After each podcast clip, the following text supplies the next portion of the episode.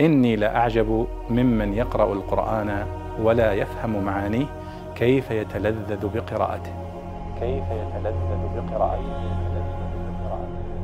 سائل يسأل عن معنى الصيب في قوله تعالى في أول سورة البقرة أو كصيب من السماء فيه ظلمات ورعد وبرق يجعلون أصابعهم في آذانهم من الصواعق حذر الموت والله محيط بالكافرين. يقول ما معنى الصيب؟ أو كصيب. فالجواب أن الصيب هو المطر. يقال صاب يصوب إذا نزل.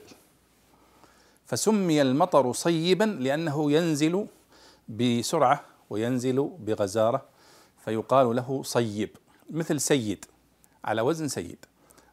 فإذا كصيب أي كمطر غزير نازل مأخوذ من صاب يصوب إذا نزل.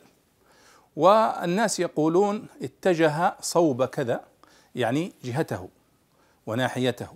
وهنا الصيب هو المطر النازل إلى الأرض بسرعة وبغزارة.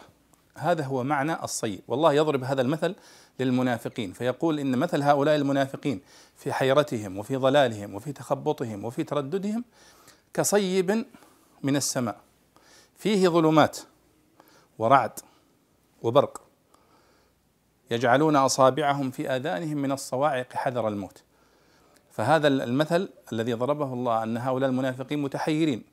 مثلهم كمثل الذي يعيش في هذا الجو. جو مطر شديد ينزل من السماء ويصحبه رعد وبرق وصواعق آه، فيتحير لا يستطيع أن يرى طريقه ولا يعرف أين يتجه. وهذا حال المنافق. آه، نعوذ بالله من ذلك. اذا الصيب هو المطر الذي ينزل من السماء بغزارة مأخوذ من صاب يصوب إذا نزل. والله أعلم.